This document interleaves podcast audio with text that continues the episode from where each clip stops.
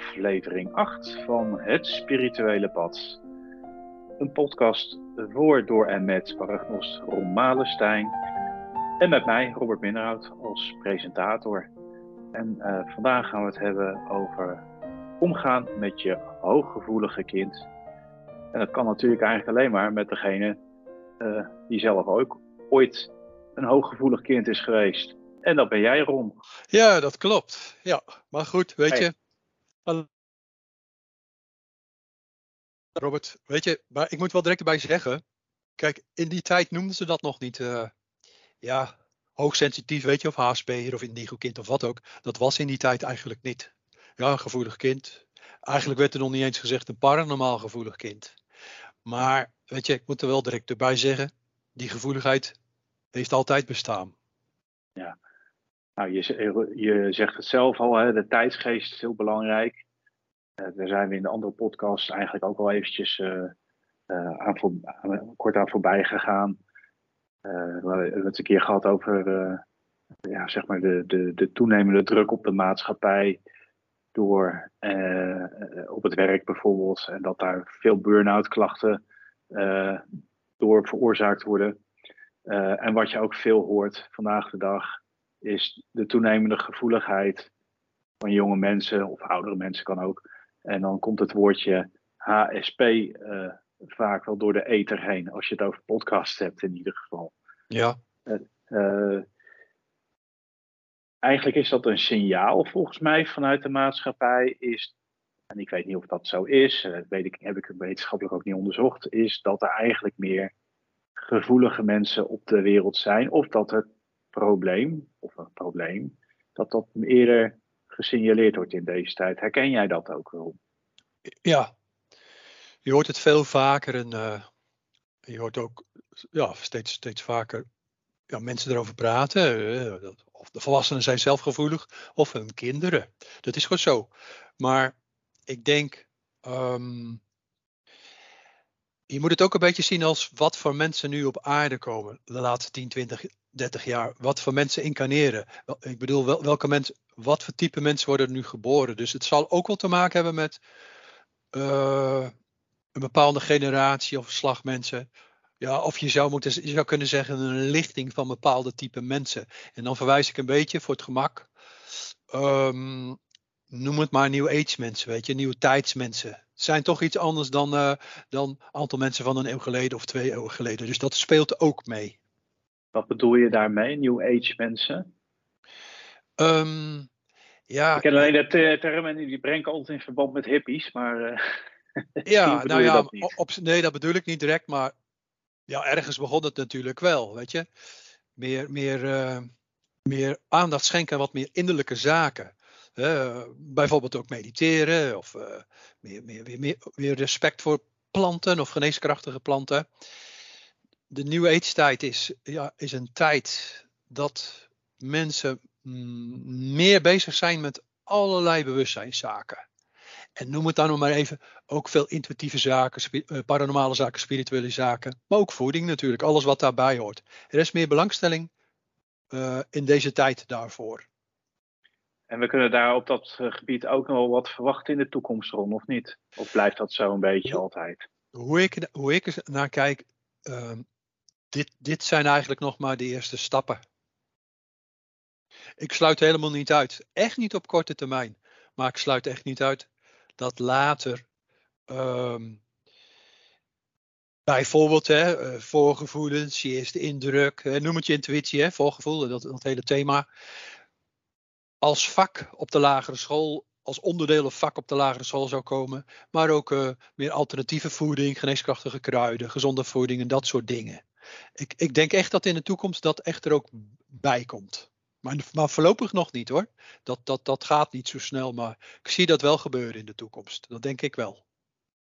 Wat je wel hoort en ziet nu is dat mensen ja, toch liever wat meer terug willen naar de natuur. Uh, biologische producten in de winkels. Uh, uh, veganistisch eten.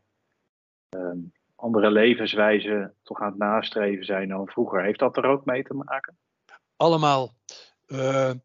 De mens van vandaag, de nieuwe tijdsmensen, ja, die, die hebben meer tijd voor, voor, voor ja, ik noem het maar innerlijke studie. Voor, voor, voor be, be, bewustzijn, weet je, bewustzijnszaken. Gewoon zaken ja, van, ja, wie ben ik? Wat wil ik? Uh, wat wil ik in mijn leven doen? Wat zal mijn levensprogramma eigenlijk zijn?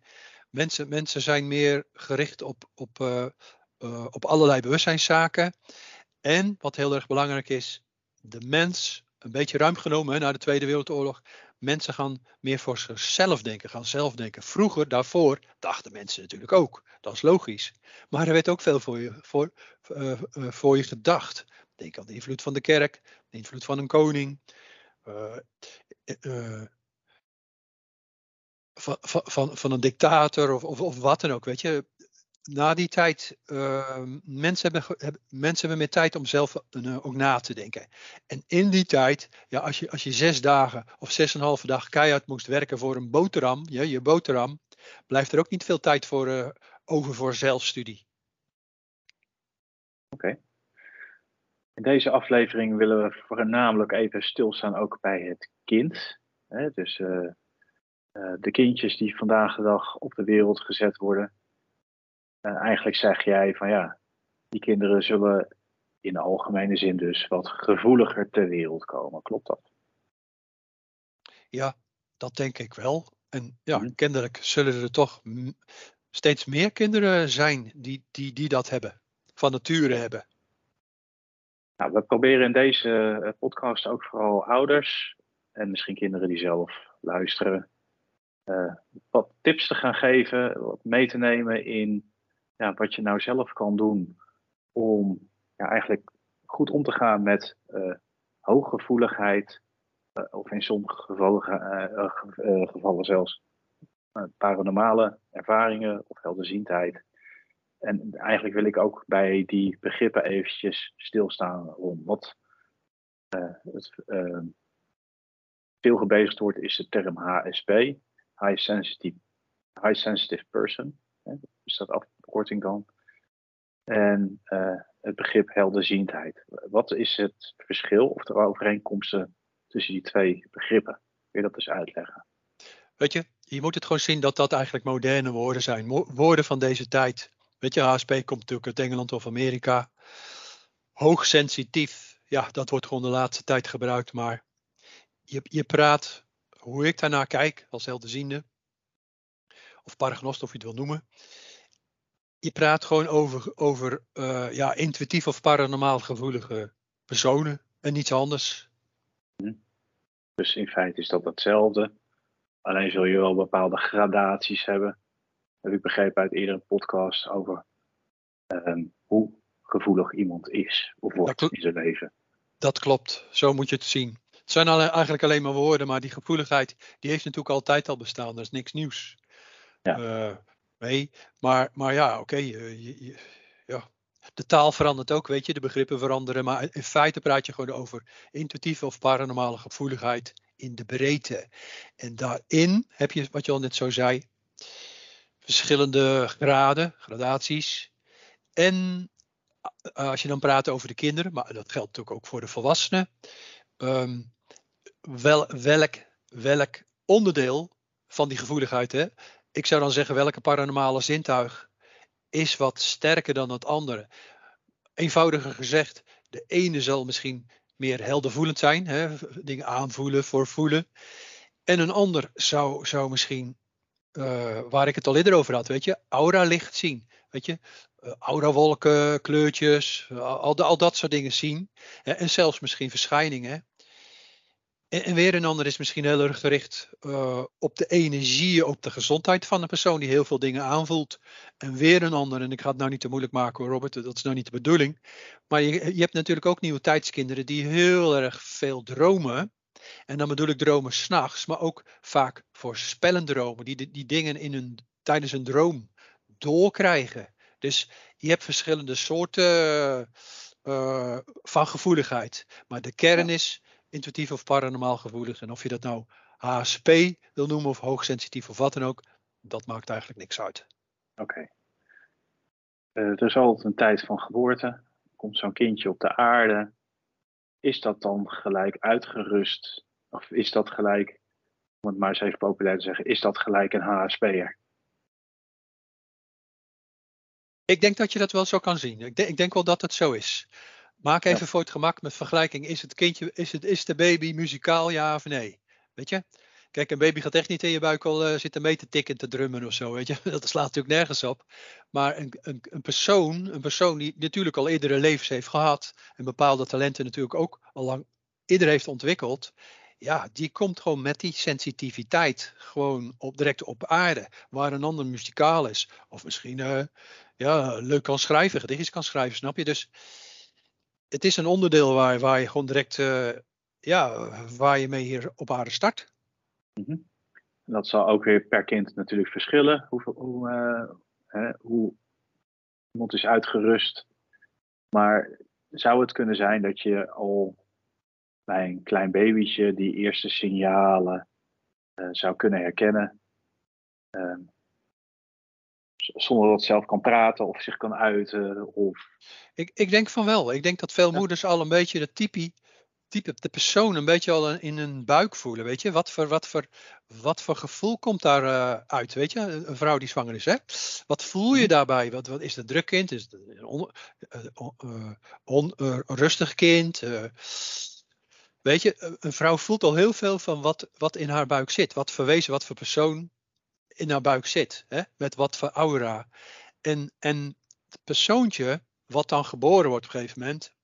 Ja, als het, als het, een, als het een, uh, een hooggevoelig persoontje is, die zou hoogstwaarschijnlijk heel erg al direct reageren op fijne energieën en zware energieën. Dat kan zijn van ja, drukke, onstabiele uh, ja, ik noem het maar even heel, heel eenvoudig, kort door de bocht. Gewoon vervelende mensen, weet je, agressieve mensen. Uh, ja, lompe mensen, het klinkt niet aardig, maar gewoon, weet je, die reageren daarop. Of die reageren op, ja, wat meer verfijnde mensen, wat vriendelijke mensen, kindvriendelijke mensen. Baby's, dus eigenlijk mensen. Ja, natuurlijk is een baby een mens, maar ik bedoel, geestelijk gezien, die reageren daar echt wel op, weet je, op personen, maar ook op geluiden, op muziek of drukke muziek of kalme muziek. Wel degelijk dat baby's al, kleine kind, en kleine kinderen er al, al, flink op reageren. Ja, het is goed dat je de zwangerschap even aanhaalt. Wij als mannen kunnen daar natuurlijk weinig over oordelen, uh, in ieder geval. Uh, tenminste, we zijn in dit leven nooit een vrouw geweest. Uh, maar echt, eigenlijk zeg je ook in die buik, als het kindje in de buik zit, kun je als moeder al heel veel voelen, want er is al een, eh, een verbinding tot stand gebracht. En uh, kunnen ook moeders vaak al intuïtief heel erg goed aanvoelen wat er gebeurt. Klopt. En het is heel erg belangrijk om daar al direct al bij aanvang naar te luisteren. Dat is heel erg interessant. Dat is je kind. Het is leerzaam, weet je. En wat natuurlijk ook, wat natuurlijk ook heel belangrijk is, op dat moment kan je je eigen kind al een beetje leren, leren kennen. Wat voor kindje is dat? Je kan je daarop afstemmen, dus het is een wederzijds belang. Oké, hoe doe je dat als eh, moeder, eh, als je zwanger bent, afstemmen op je kind? Ik bedoel, ja, ik bedoel eigenlijk heel eenvoudig luisteren van uh, het ritme van je kind, wanneer die, wanneer die druk is of slaapt. Het, het, uh, is die vredig uh, of is het een, een druktemaker? En druk te maken bedoel ik dan in dit geval niet alleen maar bewegelijk, hè, met zijn armen of beentjes bezig zijn, maar ook ja, wat, wat die persoon mm, ja, misschien bezighoudt, wat die uitstraalt. Daar mhm. kan je toch veel van, van, van voelen. En ik heb meerdere moeders gesproken die, die, die, die eigenlijk al ja, voor 90% wisten wat voor type, wat voor kindje er geboren zou worden, wat voor kind ze zouden krijgen. Nog los van het feit dat ze ook wel vaker voelen van hé, hey, dat is een meisje of dat wordt een jongen. HSP kun je niet voelen, lijkt mij. in je buik, toch? Niet het woord HSP, maar of een kind, um, ja, um, een beetje een nieuwe tijdskind is, weet je, of een kind die heel erg, um, nou, die eigenlijk een verstandsmens is, hè, dus op het top een verstandsmens is, de verschillende, verschillen, karaktereigenschappen, verschillende typisch, kan je toch als moeder, en, ook eigenlijk als vader op afstand hoor, als je gevoelig bent, kan je toch wel voelen. Ik ga natuurlijk niet zeggen super sterk, maar er zijn toch wel veel signalen. En daar kan je direct al op afstemmen. Dus eigenlijk wat je dan doet, is natuurlijk niet van. En wat ik bedoel, het is niet zozeer van, ja, met je buik, als, als zwangere vrouw zijn, hè, met je buik of misschien je een beetje weggedrukte blaas, hè, als het kindje al wat, een beetje wat groter is aan het groeien. Ja, dat bedoel ik niet zozeer. Ik bedoel, jij als persoon, noem het maar als geest, als aura, jij voelt als aura, als geest, als persoon, de aura van jouw kindje. En daar kan je op afstemmen als je wilt. Oké. Ehm, nou goed, dan, eh, dan komt het kindje ter wereld. Dan heb je zeg maar de eerste, zeg de eerste twee, drie jaar. En uh, wat je eigenlijk al had gehoord is, ja, een kind en, en uh, eet en slaapt eigenlijk alleen maar. Hè? Die is vooral het eerste jaar. Uh, dus doet nog niet zo heel veel. maar er komt natuurlijk op het moment ook bij de ouders misschien het besef van ja, gaat wel goed of juist niet goed met mijn kind. En wat zijn nou echt van die expliciete signalen? Je noemde er zo eens al een paar waarvan je kan zeggen, nou weet je, ik zou toch wel wat meer aandacht aan het kind geven. Want ja, misschien is hij wat extra gevoelig voor een aantal zaken. Nou, wat ik net al eigenlijk een klein beetje uh, uitlegde. Dergelijke kindjes, hè, hooggevoelige kindjes, hoogsensitieve kindjes, die zullen echt wel ja, op van alles nog wat om hen heen reageren. Bijvoorbeeld ook op, op een hond of een kat als die er is. Je, je, gaat echt wel uh, de, de, signalen van het kindje, wat het kindje uitstraalt, hoe het kindje reageert op alles uh, nog wat, hè, die ga je echt wel na verloop van tijd uh, zien. Ja, maar ik wil graag wat praktische dingetjes. Dus jij zegt nu een hond of een kat. Wat, wat gebeurt er dan met een kindje? Dat, want ieder kind die kijkt natuurlijk op een gegeven moment naar beweging, naar een hond en een kat. Maar wat maakt het verschil dan met een kind wat daar wat extra gevoeliger voor is? Een kind zal gewoon veel meer signalen oppakken. Een kind zal veel meer weten, zal veel meer weten uh, over andere personen in de buurt uh, of, of, dieren. Maar kijk, een kind, een baby of een kleuter peuter, die kan dat natuurlijk nog niet echt verwoorden. Nee, dat, dat, is heel lastig voor. Dat is heel lastig voor een ouder. Van ja, wat, wat speelt er dan?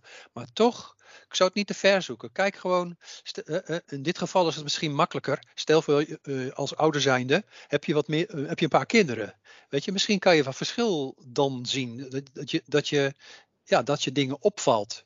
Maar ja, echt te weten kom je dat natuurlijk niet. Pas later als kinderen ja, af en toe met wat vreemde verhalen komen. Weet je, dat ze dingen voelen of dingen zien. Ja, dan wordt het natuurlijk een heel stuk duidelijker. Maar, maar ik blijf gewoon zeggen. Um, vanuit die zwangerschap kan je al dingen oppakken. Maar zeker in het eerste jaar van een babytje kindje kan je dat ook gewoon doen. Maar het is niet makkelijk. Dat moet ik er wel bij zeggen. Want ja, wat is wat?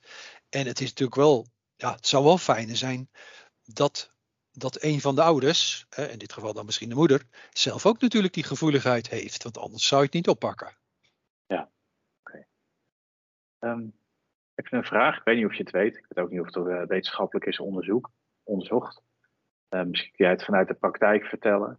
Maar uh, ja, of, af en toe ook wel eens hooggevoelige kinderen hebt, neem ik aan. Maar zijn dat nou kinderen die bijvoorbeeld intelligenter zitten, bijvoorbeeld, zijn, bijvoorbeeld alleen maar VWO gaan doen, of, of, zelfs hoogbegaafd zijn. Zijn die begrippen hoogbegaafd, helderziend, uh, hoogsensitief met elkaar enigszins verbonden, naar jouw mening? Nee, kan ik, heel, kan ik heel duidelijk in zijn. Nee, dat is absoluut niet. Ze zijn niet intelligenter of hoogbegaafde, dat is gewoon niet zo. Um, ik heb me natuurlijk ook afgevraagd. Ik heb er natuurlijk ook bestudeerd. Ik heb ook gekeken, hè, de, de, kinderen in de praktijk, de foto's die mensen meenemen van hun kinderen. Op tv, weet je, of in uh, boeken, tijdschriften. Ik heb natuurlijk ook gekeken naar de aura van die kinderen. Wat is er mee? Wie zijn dat? En het valt me gewoon op dat als we praten over hooggevoelige kinderen, hè, in het algemeen, dat die eigenlijk um, in dezelfde innerlijke klas zitten dan eigenlijk alle andere kinderen. Er is, daar valt niks aan op. Het is meer zo. Lekker klas? Um, punt van evolutie, uh, innerlijke leeftijd. Ik heb het niet over de aardse leeftijd, maar um, je, je hebt, la, laat ik gewoon zeggen, je wijst gewoon tien kinderen aan in de straat, in de supermarkt of op school. weet je, natuurlijk hebben ze allemaal wel een beetje hun eigen karakter, hun eigen aura of oude kleuren. Maar als je praat over hoe hooggevoelig kind, die valt daar niet in op. Die, die heeft dezelfde innerlijke leeftijd. Alleen, ja, als je, als je dan zelf sterkere gaves hebt, kan je natuurlijk soms wel zien aan de aura, ja, uh, dat, dat, dat hij misschien wat andere kleuren heeft. Ik bedoel, als je bij een kind uh, bepaalde zachte roodachtige kleuren ziet, of vooral blauw of zo, of paarsig, weet je, of uh, heel erg geel of, of naar bruin toe of zo. Ja, met die geel en bruin, als dat veel is, dan heb je dus veel meer te maken met een verstandspersoon, verstandskind, dan uh, rozig of blauw, weet je, meer intuïtief of gevoelskind. Maar weet je, dat zijn natuurlijk onderwerpen, dat is een onderwerp, een, een, ja, voor, voor mensen die natuurlijk dat zien zoals ik, weet je. En ik kan me heel goed voorstellen dat veel luisteraars zeggen van ja, ik weet niet eens of ik het allemaal geloven of jij dat wel ziet. En, en van ja, en, en, als ik het geloof van jou dat jij dat ziet, ja, hoe zie je dat dan? Ja, dat is voor mij natuurlijk ook heel erg lastig. Maar als je mij vraagt van, hè, dat, dat was je basisvraag, zijn die kinderen dan bijzonderder, uh, verder ontwikkeld? Uh, nee, absoluut niet. Die zijn gewoon hetzelfde als hun andere broertjes of zusjes, laat ik het zo maar zeggen. Oké, dat vind ik een duidelijk antwoord. Uh, maar als je het gevoel hebt dat je kind hooggevoelig is, dan zou het bijvoorbeeld wel raadzaam kunnen zijn om eens naar prognos te gaan om te kijken of die dat bevestigt. Ja, dat vind ik wel. Dat zou je gewoon kunnen doen. Maar ik zou toch in eerste instantie gewoon dichter bij huis zoeken. Ik zou toch eerst kijken of er misschien al, weet je, in je omgeving, uh, ja, een familielid, een oom, een tante, een wat ouder kind, weet ik veel, weet je. Of er iemand in je directe buur, uh, omgeving is. Ik denk dat dat uh, veel beter is om te doen. Okay. Weet je, vertrouwen, het is familie. Uh, weet je, dat, dat is gewoon beter, denk ik. Maar heb je die niet, dan moet je verder gaan zoeken. En dan zou je, zou je best in dit geval, ja, wat ik dan even voor het gemak noem, professionele hulp gaan zoeken. En, en, en, en dus, dus een, een, ja, een paranormale persoon ja. Okay. benaderen. Um, zijn er andere karaktereigenschappen uh, die die kinderen beter zouden kunnen omschrijven? Uh, zijn deze, je had het over aura kleuren, hè, die jij natuurlijk goed kan zien, als sommige mensen ook, uh, die een bepaalde evolutie kunnen ehm, aantonen. maar bijvoorbeeld een, een, stukje creativiteit of zo, is dat iets wat ja, misschien algemener ik denk, kenmerkend is voor een, voor een hooggevoelig kind? ik denk, ik, denk dat je, ik denk dat je dat wel kan zeggen. Ik denk, wat mij zelf opvalt. Kijk, en ik ga niet zeggen tien van de tien kinderen, maar veel van die kinderen, die zijn toch altijd wel. Uh, natuurlijk, die hebben die gevoeligheid. Maar, maar omdat ze die gevoeligheid hebben, valt gewoon ook op dat ze uh, een behoorlijke sterke eigen, eigen wereld hebben. Een eigen innerlijke wereld of een eigen droom, droomwereld, weet je. En dan krijg je natuurlijk ook zaken zoals, is dat kind, kind creatief, hè, kunstzinnig? Ja, in welke richting dan op? Het valt wel op dat dat vaak kinderen zijn die um, ja, creatief of kunstzinnig zijn. Dat, dat is gewoon zo. Weet je, ik probeer een beetje te zeggen. Tuurlijk houden die ook van andere, van andere kinderen spelen, maar die, die, die hebben wel een, een, intensere eigen innerlijke wereld. Dat valt wel heel erg op. Oké, dus die kunnen ook goed op zichzelf zijn, zou je dan kunnen zeggen. Misschien wat algemene uitspraak. Misschien klopt het ook niet, ik weet het niet. Ik, ik, als je dat zou kunnen bestuderen, ik denk wel dat dat zo is. Vanwege hun aangeboren, ja, op dat vlak noem ik maar veelzijdigheid, weet je, veel mogelijkheden. Ja, maar, maar, dat ze veel dingen aanvoelen, maar, maar ook misschien wat beelden kunnen zien of zo. Of ja. misschien wat meer in beelden kunnen denken dan in woorden of zoiets. Ja, zal, zal allemaal meespelen. Zal ja. allemaal meespelen, ja. Maar goed, weet je, um, je kan het ook een beetje vergelijken met een kind wat kunstzinnig is. Hè? Een kunstenaar die gaat laten tekenen of schilderen of die gaat muziek maken, weet je, componeren. Ja, daar kan je het wel mee vergelijken. Maar um, ik vind, het kind kan heel gevoelig zijn en misschien wat verder ontwikkeld zijn op dat vlak. Maar dat wil dan niet zeggen direct van, oh, nou is een hoogbegaafd kind, want dat hoor je nog wel eens. En een kind, kijk, wat mij betreft is ieder zijn kind uh, bijzonder, hè? Dat is niet wat ik bedoel. Maar dan denk ik van ja, je, je slaat de plank wel heel erg mis. Als ouders dan beweren van ja, ik heb zo'n hoogbegaafd kind en dit en dat. Ja, dat is toch echt niet mijn, mijn waarneming als, als, als helderziende. Dat is gewoon niet zo. Het zijn gewoon normale kinderen. Alleen, ja, eh, in de mogelijkheden, in de verschillende talenten die een kind heeft, die een mens kan hebben, ja, hebben zij dit gewoon. Ja. Zijn er nog andere karaktereigenschappen tussen aanhalingstekens waarin je dat zou kunnen herkennen, waarin je een hooggevoelig kind zou kunnen herkennen? Ja, die zijn er echt wel. Eentje, uh, wat mij opvalt en wat ik natuurlijk ook weet hè, van mijn eigen jeugd en zo, zijn wel kinderen, zijn meestal gewoon normale kinderen op het oog, er niks mis mee, maar het zijn wel kinderen die zich ineens wel te kunnen terugtrekken. Losmaken, weet je. Die gaan naar een eigen kamertje, of gaan in de tuin zitten. Weet je, of kijken naar, naar, de bloemetjes of naar de, naar de vogeltjes. Kunnen andere kinderen natuurlijk ook doen. Maar die kinderen, die, die, die zijn wel snel geneigd om uh, in hun eigen wereldje te, te duiken. En dat is normaal, mijn uh, gevoel en ervaring gewoon normaal. Maar ergens heeft dat ook te maken met, ja, als je sensitief bent, als je veel mee hebt gemaakt, geldt voor ieder mens natuurlijk. Als je heel veel prikkels hebt gehad op de dag, moet je natuurlijk ook moment van rust kiezen. En dat zullen zij vrij snel doen. En als ouder zijnde vind ik dat je dat echt moet stimuleren. En zorgen dat iemand uh, ja, een leuke kamer heeft, weet je. Dat, dat het niet 24 uur van de dag door, doorgaat. Want dan loop je heel groot risico dat je een kind krijgt die zich helemaal gaat afsluiten, of dwars gaat liggen, of stemmingen krijgt. Ja, dat snap ik. Um, dus dan blijft het natuurlijk als ouders of als verzorger heel erg belangrijk om te blijven observeren hoe je kind reageert. Bijvoorbeeld als het op een verjaardagsfeestje is geweest of daar nog steeds is. En uh, ja, niet altijd zin heeft om met andere kinderen te spelen. Of ook misschien zelfs bepaalde kinderen compleet negeert. Ja. Dat hoort er dan ook bij. Ja, weet je Robert, kijk, um, Kijk, je moet gewoon echt een kind, een hoogsensitief kind, moet je echt gewoon normaal opvoeden als ieder ander kind. Dat vind ik gewoon. Dat is gewoon belangrijk.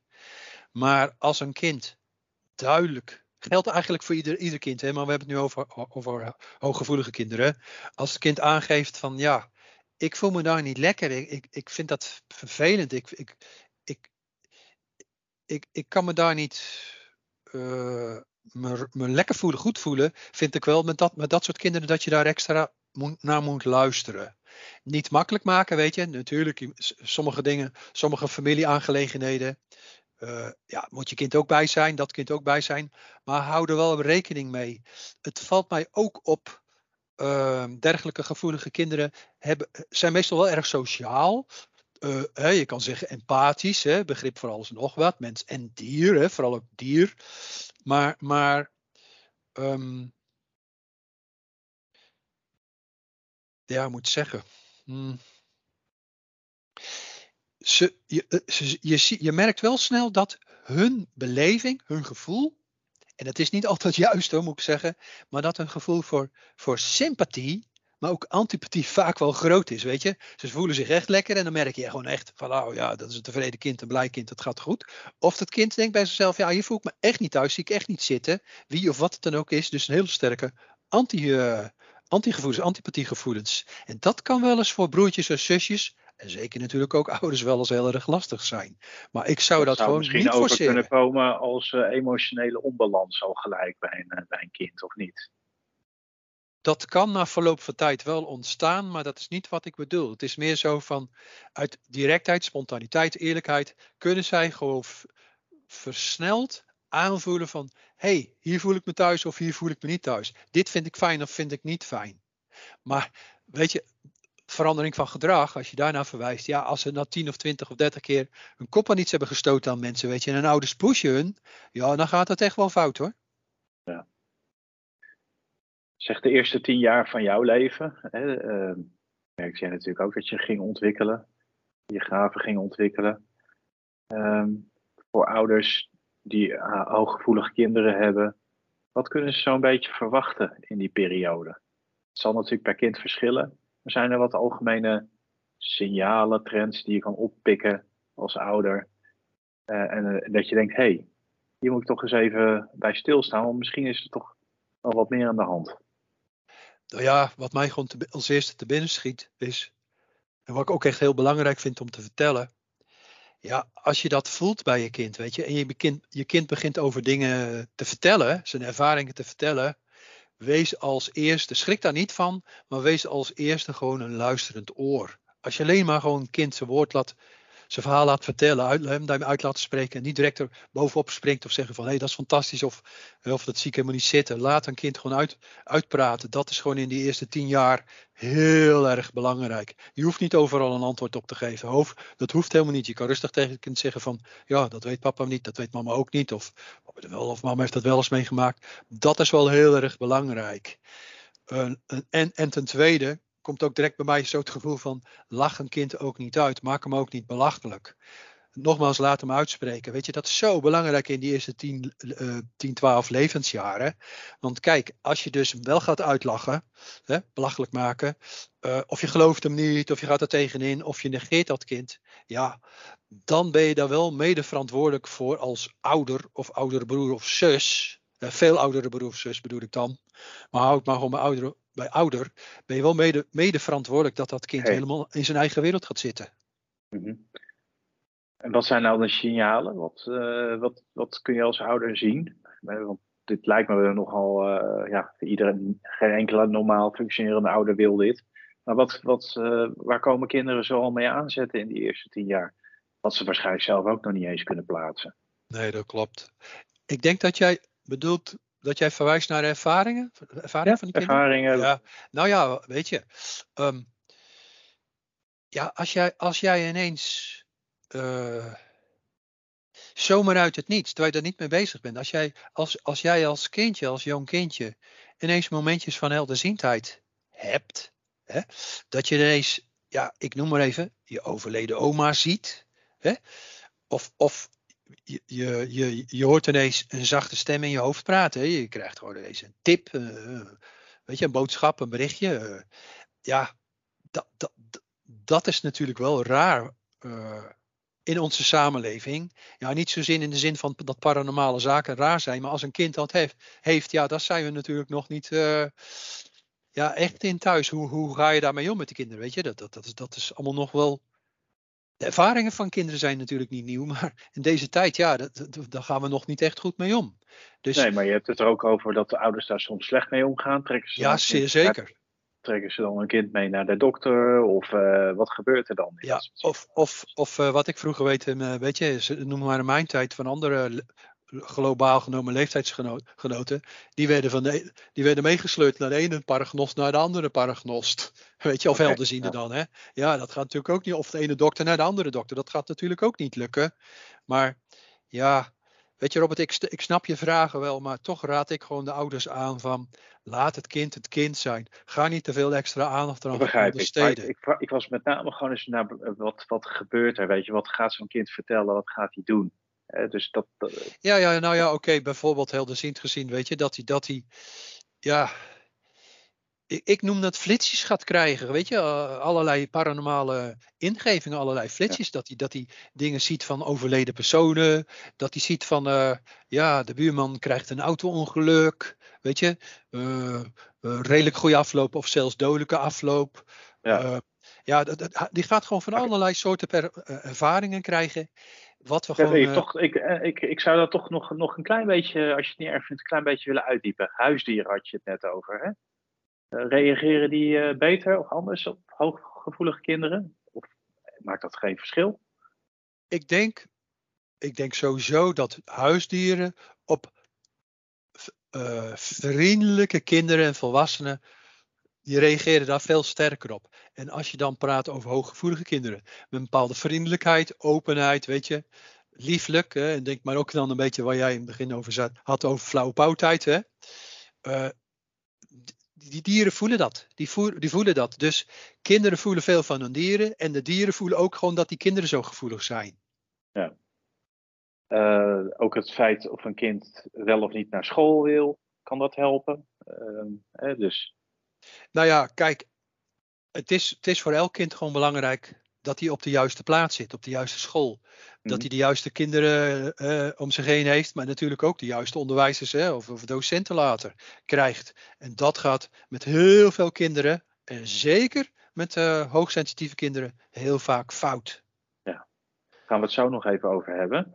Ik wil nog even terug naar die thuissituatie. Hè. Uh, kinderen groeien op, vaak in een gezin soms als enig kind, maar er zijn natuurlijk ook vaak wel wat broers en zussen om me heen. Uh, wat, jij hebt natuurlijk zelf twee zussen. Ja. Was er een verschil tussen jou en je, je twee zussen? Of is er een verschil in een gezin tussen een hooggevoelig kind en de andere kinderen? Kun je dat eens beschrijven? Ja, dat is moeilijk te zeggen, maar wat mij gewoon opviel, en ook wel bij anderen, ja, kijk, ik was natuurlijk, uh, natuurlijk het eerste kind, hè, een zoon, hè, ik heb dus twee zussen, wat je al zei. Kijk, dat dan een, jongen zijn eigen kamer krijgt en zussen sneller bij elkaar, hè, of broers bij elkaar gaan zitten, dat is natuurlijk gewoon. Maar ik kreeg altijd de zolder en ja, dat paste ook helemaal bij mij. Dat hadden mijn ouders gewoon heel goed gevoeld en gedaan. Ook al het was praktisch, weet ik niet. Maar ik had gewoon direct mijn eigen wereld, mijn eigen energie. En daar kon ik ook wel ja, tot rust komen van, van de prikkels van de dag. En dat vond ik wel heel erg belangrijk. En ik denk, uh, ik denk wel dat uh, hooggevoelige persoontjes, kindjes, veel mhm. vaker in een eigen kamertje zitten dan, uh, dan andere broertjes of zusjes. Ik denk dat dat wel heel erg op, opvalt. Maar het moet natuurlijk niet zijn dat als een kind hooggevoelig is, dat hij dan te veel in die kamer zit. Dan moet je hem ook wat andere dingen laten doen, weet je. Betrokken zijn bij andere dingen. Ik denk even aan sport of weet je, of dans of uh, toneel, weet ik veel wat. Een kind moet ook niet vanwege die, die, die gevoeligheid te veel in zijn, eigen wereld zitten en daarom zichzelf terugtrekken. Dat is ook niet goed. Maar jij zei eerder al, je moet ze natuurlijk een zo normaal leven laten, mogelijk laten leiden.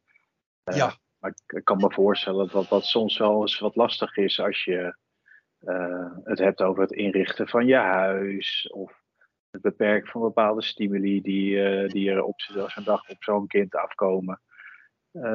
Heb je daar tips voor hoe je, hoe je daar thuis mee om kan gaan verder? Dus dat, dat, is best wel, dat, is best, dat is best wel lastig.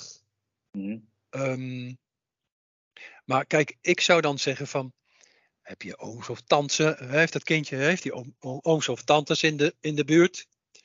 Uh, kan die naar opa en oma uh, gaan, hè, die daar misschien wat gevoel hebben? Hoeft nog niet eens over paranormale zaken dan te gaan, maar dat het kind daar tot rust kan komen. Mm -hmm. Um, je kan dat echt wel oplossen, maar het allerfijnste is een eigen kamer inrichten of een hok, weet je, een ruimte of, of uh, ja, dat er misschien iets veranderd kan worden in een schuur, weet je. Of, of laat een kind naar de scouting gaan of wat dan ook. Probeer, probeer de mogelijkheden die er misschien, misschien toch nog wel zijn, probeer die gewoon te benutten. Ja, mijn kinderen kregen vroeger op school, omdat ze toch wat concentratieproblemen hadden, een, eh, een koptelefoon op hun hoofd. Is zoiets ik, eh, ik vind dat een, ik vind dat een hele goeie. Ja, ik vind dat een hele goeie. Ja. Maar weet je, ik wil toch nog graag herhalen laat een kind ook niet te veel in zijn eigen wereld zitten. Weet je, je moet een kind ook daarentegen niet meeslepen overal, want die heeft nou rust nodig. Hè? Ik had het al over veel te veel prikkels, die heeft rust nodig. De beide zijden zijn gewoon niet goed. Overdrijf drijf niet. Probeer je kind gewoon als zo, zo goed als gewoon normaal, gewoon standaard normaal te, te behandelen. Ja. Ja, en dan komen kinderen toch een keer uh, in de puberteit rond. 10 tot 14. En dan verandert er natuurlijk al een heleboel in hun leven. Maar dan kan ik me voorstellen dat uh, het omgaan met zo'n zo'n graven toch ook niet altijd even makkelijk is. En uh, dat er misschien wel wat signalen zijn dat, dat het slechter gaat. zie je dat ook wel eens gebeuren? Ja, zeer zeker. Maar weet je, het hoeft niet per se, on, ondanks dan die gevoelige leeftijd, hè, begint puberteit, prepuberteit, puberteit, slechter te gaan. Maar je kan toch wel, wel het een en ander dan al wel kinderen merken. Wat, wat zo op die, nou ja, wat ik eigenlijk al een beetje eerder zei. Ze gaan echt een bepaalde stempel drukken op hun eigen leven. Ze gaan echt op hun eigen manier leven. En ja, overal uh, aan meedoen.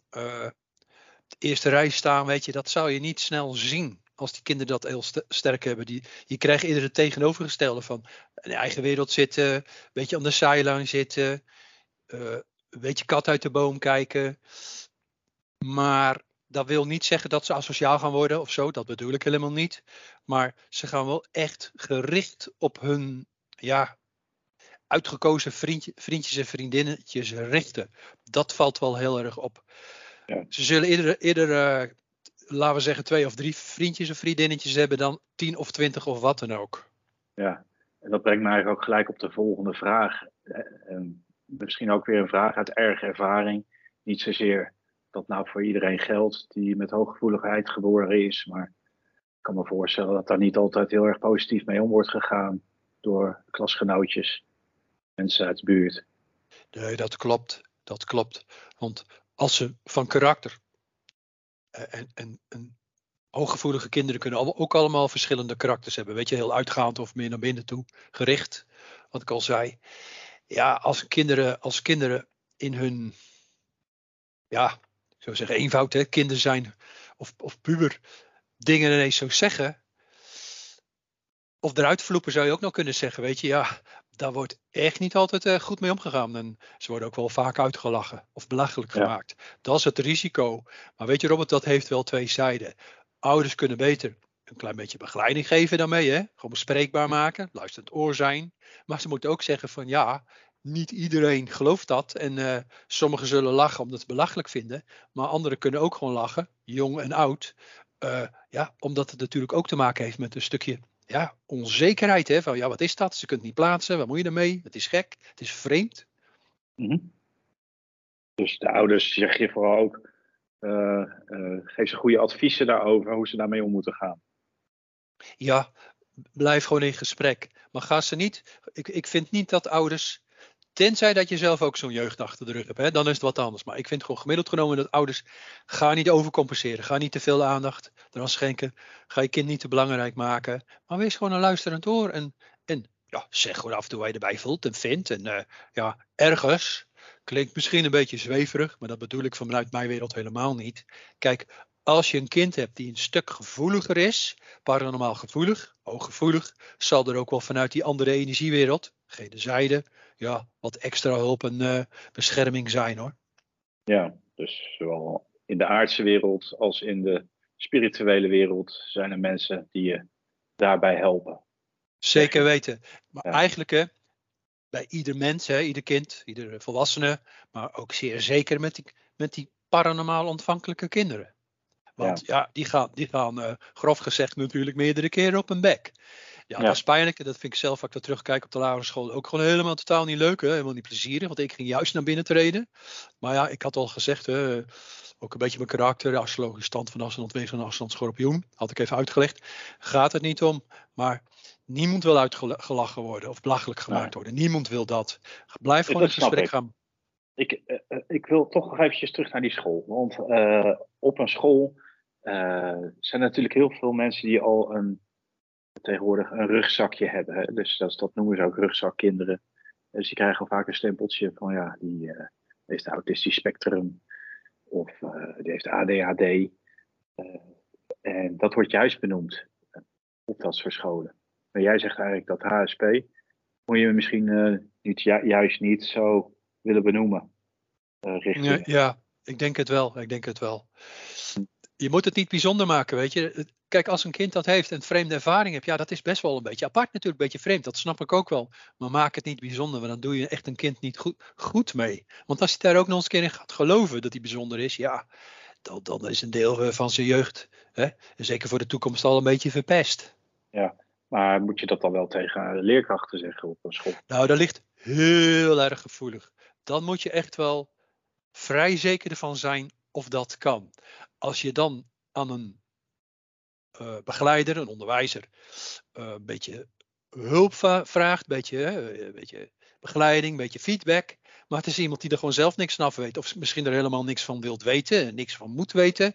Of door het geloof, hè, iemand zijn geloof, die dat niet ziet zitten ja, dan breng je jezelf wel in een hele moeilijke situatie. Dus de ouders die luisteren met dergelijke kinderen, wees wel heel voorzichtig. Je moet er wel heel zeker van zijn dat je dat kan doen. Maar eigenlijk Ik wil wel gelijk even bij, bij opmerken, Ron, dat dat natuurlijk wel erg te maken heeft met de mate van gevoeligheid. Hè. Dus sommige kinderen die zien natuurlijk... Zeker, zeker. Zeker. Last van stress en drukte, of van, van veel uh, ja, rumoer om zich heen.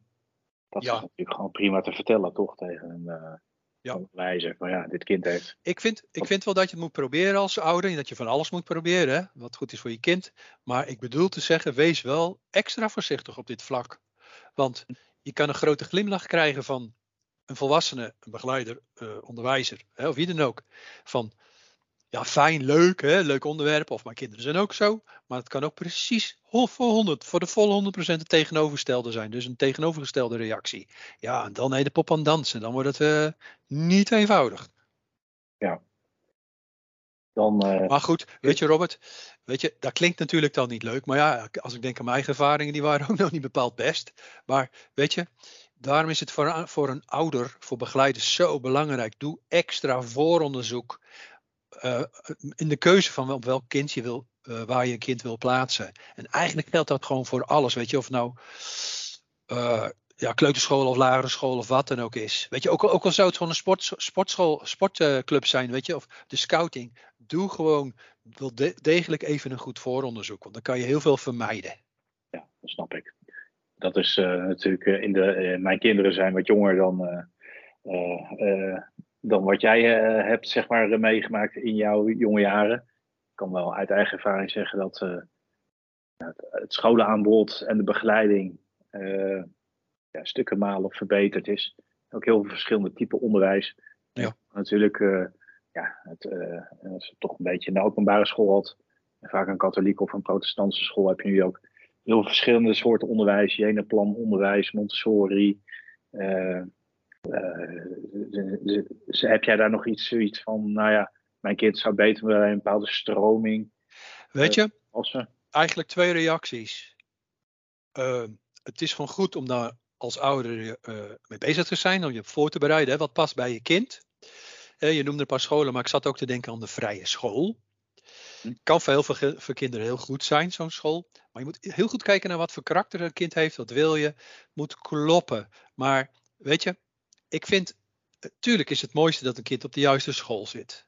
De, de, de, de, de sfeer gewoon goed is, weet je, in alle opzichten. Maar aan de andere kant, en dat is mijn tweede punt, een kind, een jong volwassene, moet natuurlijk ook wel een bepaalde weerbaarheid gaan ontwikkelen. Want het leven is natuurlijk niet zo makkelijk voor niemand. Dus ja, nou ja, weet je, het klinkt gek natuurlijk, maar ik, ik, juist uit mijn mond is het natuurlijk raar te horen, van juist uh, dergelijke gevoelige kinderen moeten ook een grens weten te, te bepalen. Wat kan je wel zeggen, wat, kan, wat moet je niet zeggen, weet je? je? Je moet wel een aantal keren je kop stoten, dat, dat is wat ik bedoel. Dus dat is wel jammer, maar dat hoort er wel bij om je weerbaarheid te, te, te, te ontwikkelen. Kun je een klein uh, voorbeeldje geven van hoe jij je eigen uh, kop hebt gestoten daarin? Nou ja, ik denk even voor het gemak aan de lagere, lagere school, hè, zoals dat vroeger heette. De, de, ja, ik weet niet ja, weet je, de laatste klas van vroeger de lagere school. Weet jij uit je hoofd welke, welke groep? Ja, groep 8. Groep 8, oké, groep 8. Ja, weet je, dan, dan komen er natuurlijk ook allerlei uh, godsdiensten voorbij, uitleggen dit en dat, weet je. En thema's zoals uh, mogelijk voortbestaan, leven en de dood. Maar ja, ik, ik, ik heb ook wel eens in mijn on onschuld gewoon reacties gegeven van, er is helemaal geen dood, weet je. Uh, Ehm, want je kan er wel uitstappen, maar ja, je krijgt toch dadelijk weer een nieuw leven. Maar als je dat soort dingen vertelt, denkbeelden of ervaringen, ja, dan kan je natuurlijk raden dat de, de, de klas krom ligt van het lachen. En jij voelt je natuurlijk gewoon lullig. Je denkt, oeh, dat laat me ook geen drie keer uh, gebeuren. Dus ja, ik heb ook wel zo uh, mijn kop gestoten aan alles en iedereen. Maar wat wel belangrijk is, als een kind, geldt voor ieder kind, maar in dit geval weer hè, hooggevoelige kinderen. Als een kind ook een beetje wijs is, kan hij zijn gevoeligheid ook gebruiken. Ik zou dan zeggen van, je, je kan ook van tevoren even invoelen, aanvoelen. Hè, noem het maar dat je je antenne, je gevoelige antenne even uitzet om te voelen van, is het wel verstandig om dat tegen deze persoon te zeggen? Ik bedoel, je kan die gevoeligheid hebben, maar hoe ga je er ook mee om? En daar kan je jezelf ook wel zeker in trainen. Tegenwoordig proberen we ook voor alles, uh, voor iedere kwaal een middeltje te verzinnen. Uh, ik denk niet dat heel veel mensen hooggevoeligheid als een kwaal zien, maar wel iets als toch wel soms misschien wel een lastige omstandigheid waar je mee te, te, te dealen hebt in je leven. En dan komt natuurlijk ook de apotheek om de hoek zitten, om de, om de hoek zetten. er wordt natuurlijk toch ook wel vaak gezocht natuurlijk in de vorm van een afwijking. Kind uh, is misschien autistisch of zo. Um, hoe sta jij tegenover uh, medicijngebruik? Of, uh, om die gevoelens. nou, ik ben, daar, ik ben daar absoluut geen voorstander van. Nee. Je, als een kind, als er ook gewoon andere dingen spelen. laten we zeggen, ernstige dingen spelen naast die hooggevoeligheid. Ja, misschien is het nodig, dat kan ik natuurlijk ook niet zomaar zeggen. Maar in principe ben ik daar uh, geen, zeker geen voorstander voor, van. Maar als kind, maar ook natuurlijk als volwassene. Kijk, je kan natuurlijk wel ja, wat ontspannende middeltjes nemen, weet je, ontspannende geneeskrachtige kruidentheeën of druppeltjes. Ik zit dan te denken, en dat zullen veel, veel ouders wel weten toen een kindje klein was, weet je, babytje of tandjes uh, kreeg. Ja, je kan een kind, jongere kinderen, maar eigenlijk volwassenen precies hetzelfde hoor. Je kan kamillethee gewoon gaan zetten, weet je. Je maakt die kamillethee wat sterker. Of ik denk aan melissethee, citroenmelisse. Heeft ook een hele kalmerende invloed. En dat is ook nog eens een keertje wat kalmerend voor je buik. Je kan wat alternatieve middeltjes proberen. En wat ik hoor van de ouders over het algemeen, ook uh, volwassen personen die die middeltjes gebruiken, ja, die zijn het over het algemeen heel erg tevreden over. Ja, dus uh, gewoon uh, het laten, die gevoeligheid hoort erbij. Zeker niet naar medicijnen grijpen als het niet nodig is. en gewoon eens kijken in, in een goede reformzaak of er, of er wat te verkrijgen is. Ja. Wat kan helpen, ook bijvoorbeeld met ja, andere zaken die nervositeit of zo veroorzaken daardoor, door die hooggevoeligheid. Wat, wat opvalt, zeker voor hooggevoelige kinderen, is dat ze wel voldoende nachtrust moeten hebben. Ze moeten goed slapen. Ze moeten goed, goed zichzelf, uh, hun levensaccu, hun gezondheidsaura, die moet echt wel weer goed opgeladen worden. Die moet opgeladen zijn. Dus voldoende nachtrust is heel erg belangrijk voor dat soort kinderen. Want die krijgen zoveel prikkels ja, die hebben het ook gewoon keihard nodig. Dus als ze dan tijd gaan rekken, weet je, ze willen nog een uur erbij of wat dan ook. Ja, natuurlijk kun je ze eens een keer doen. Dat, dat vindt elk kind leuk. Maar die kinderen hebben extra rust gewoon nodig. Ja, oké. Dus ik wil dan even aanvullen, weet je. Een vriendelijke, rustige kamer, slaapkamer bedoel ik, eigen kamer, slaapkamer. Met kleurtjes, frisse lucht. Al dat soort kleine dingetjes.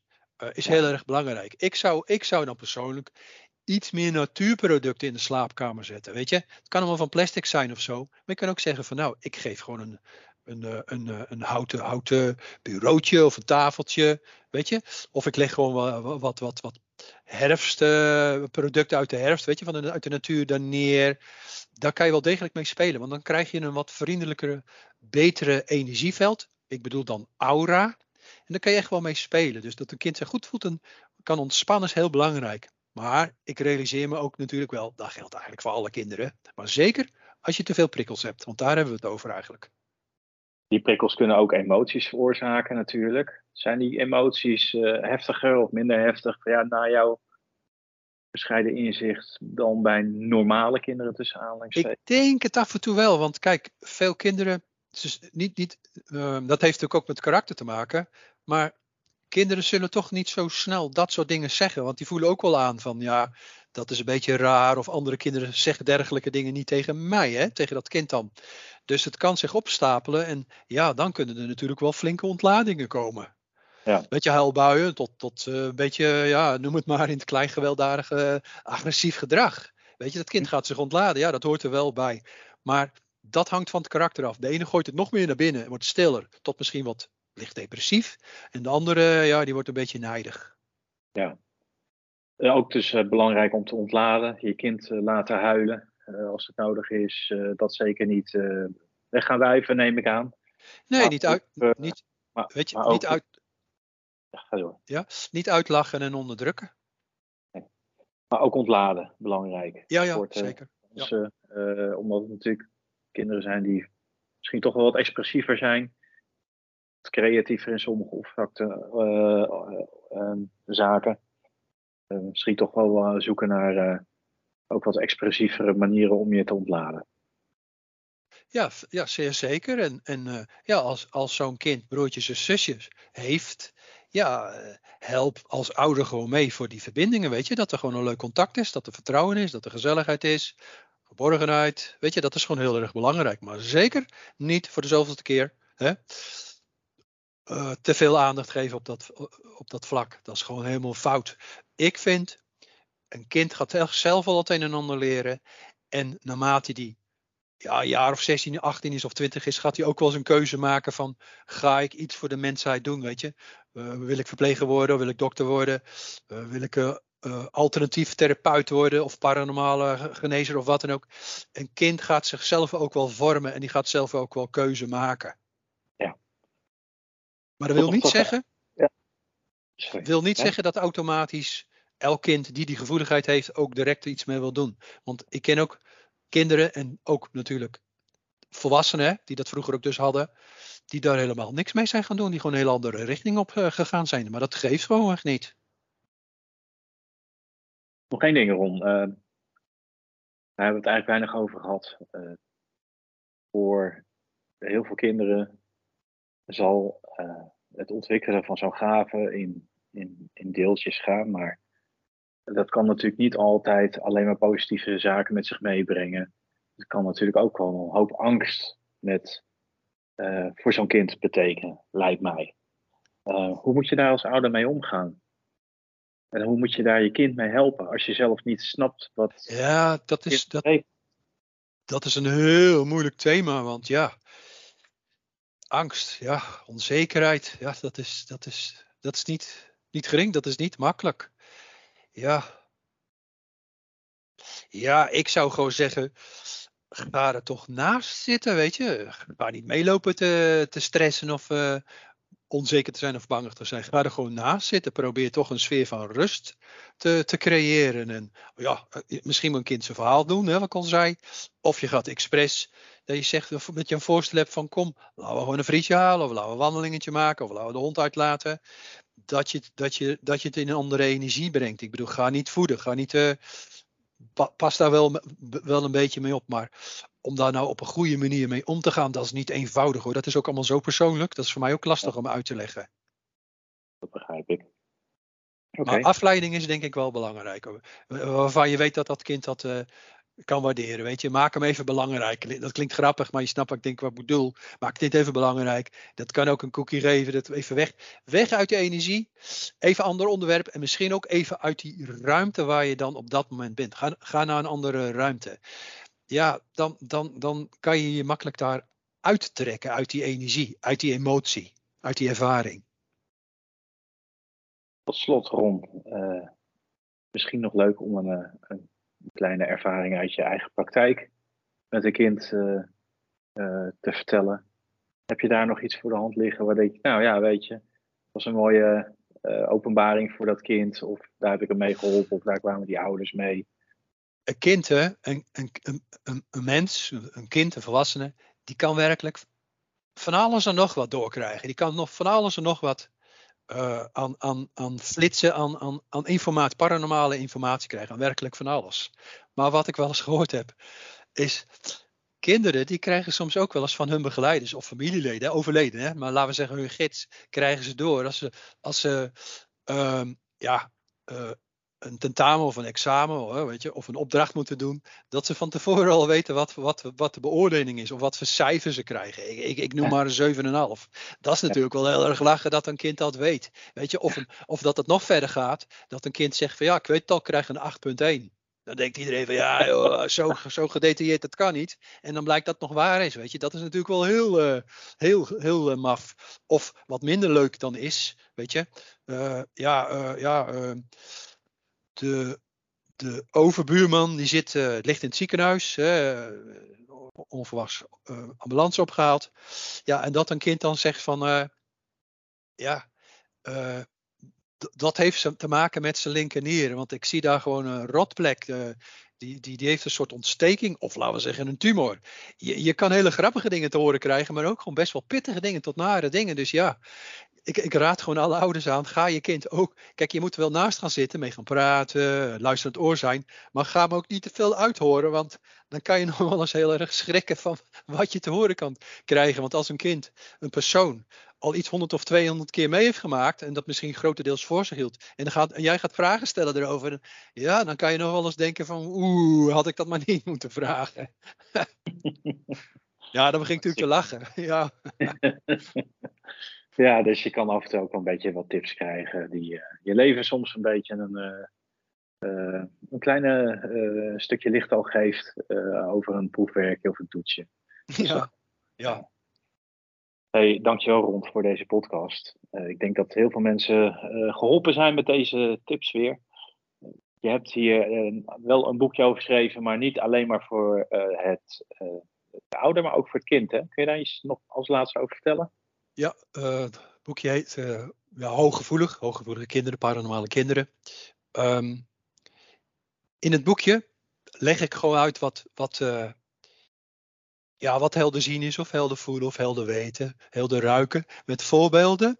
Maar er is ook een onderdeeltje wat een mini-woordenboekje is, hè, paranormaal mini-woordenboekje. Maar wat nog leuker is, er is ook een onderdeel uh, wat ik vroeger uh, van mijn website heb gehaald, van het forum. En daar gaven mensen hun, konden hun eigen, eigen ervaringen vertellen. Uit de jeugd, op latere leeftijd, van alles en nog wat. En ik denk de verhaaltjes, dat zijn eenvoudige en leuke verhaaltjes. Ja, weet je, of ik nou zeg minimale leeftijd 12 of 14, weet ik niet precies. Weet je, dat is moeilijk te zeggen, maar dat is wel voor jong te gebruiken en ook leuk voor ouders. En wat ik er ook graag aan wil toevoegen is, dat boekje kan je ook heel goed gebruiken door, ja, laten we zeggen, een thema, een verhaaltje. Laat, laat maar zeggen weer centraal aan een verhaaltje. Je leest dat verhaaltje voor. En dan ga je gewoon in gesprek. Dat ook wel eens meegemaakt? Of zie je dit of zie je dat? Dat boek, boekje kan je op, op verschillende manieren goed gebruiken. Oké, hartstikke leuk. Uh, je noemde het al, je website ronmalenstein.nl. Eh, Ron, hiermee wil ik de achtste podcast afsluiten. Uh, Dank je wel weer voor jouw inbreng en jouw uitvoerige informatie over dit onderwerp. Als je met jou in contact wil komen, ronmalenstein.gmail.com. En de luisteraars wil ik weer hartelijk bedanken dat ze vol aandacht naar dit onderwerp hebben geluisterd. En hopelijk tot de volgende keer.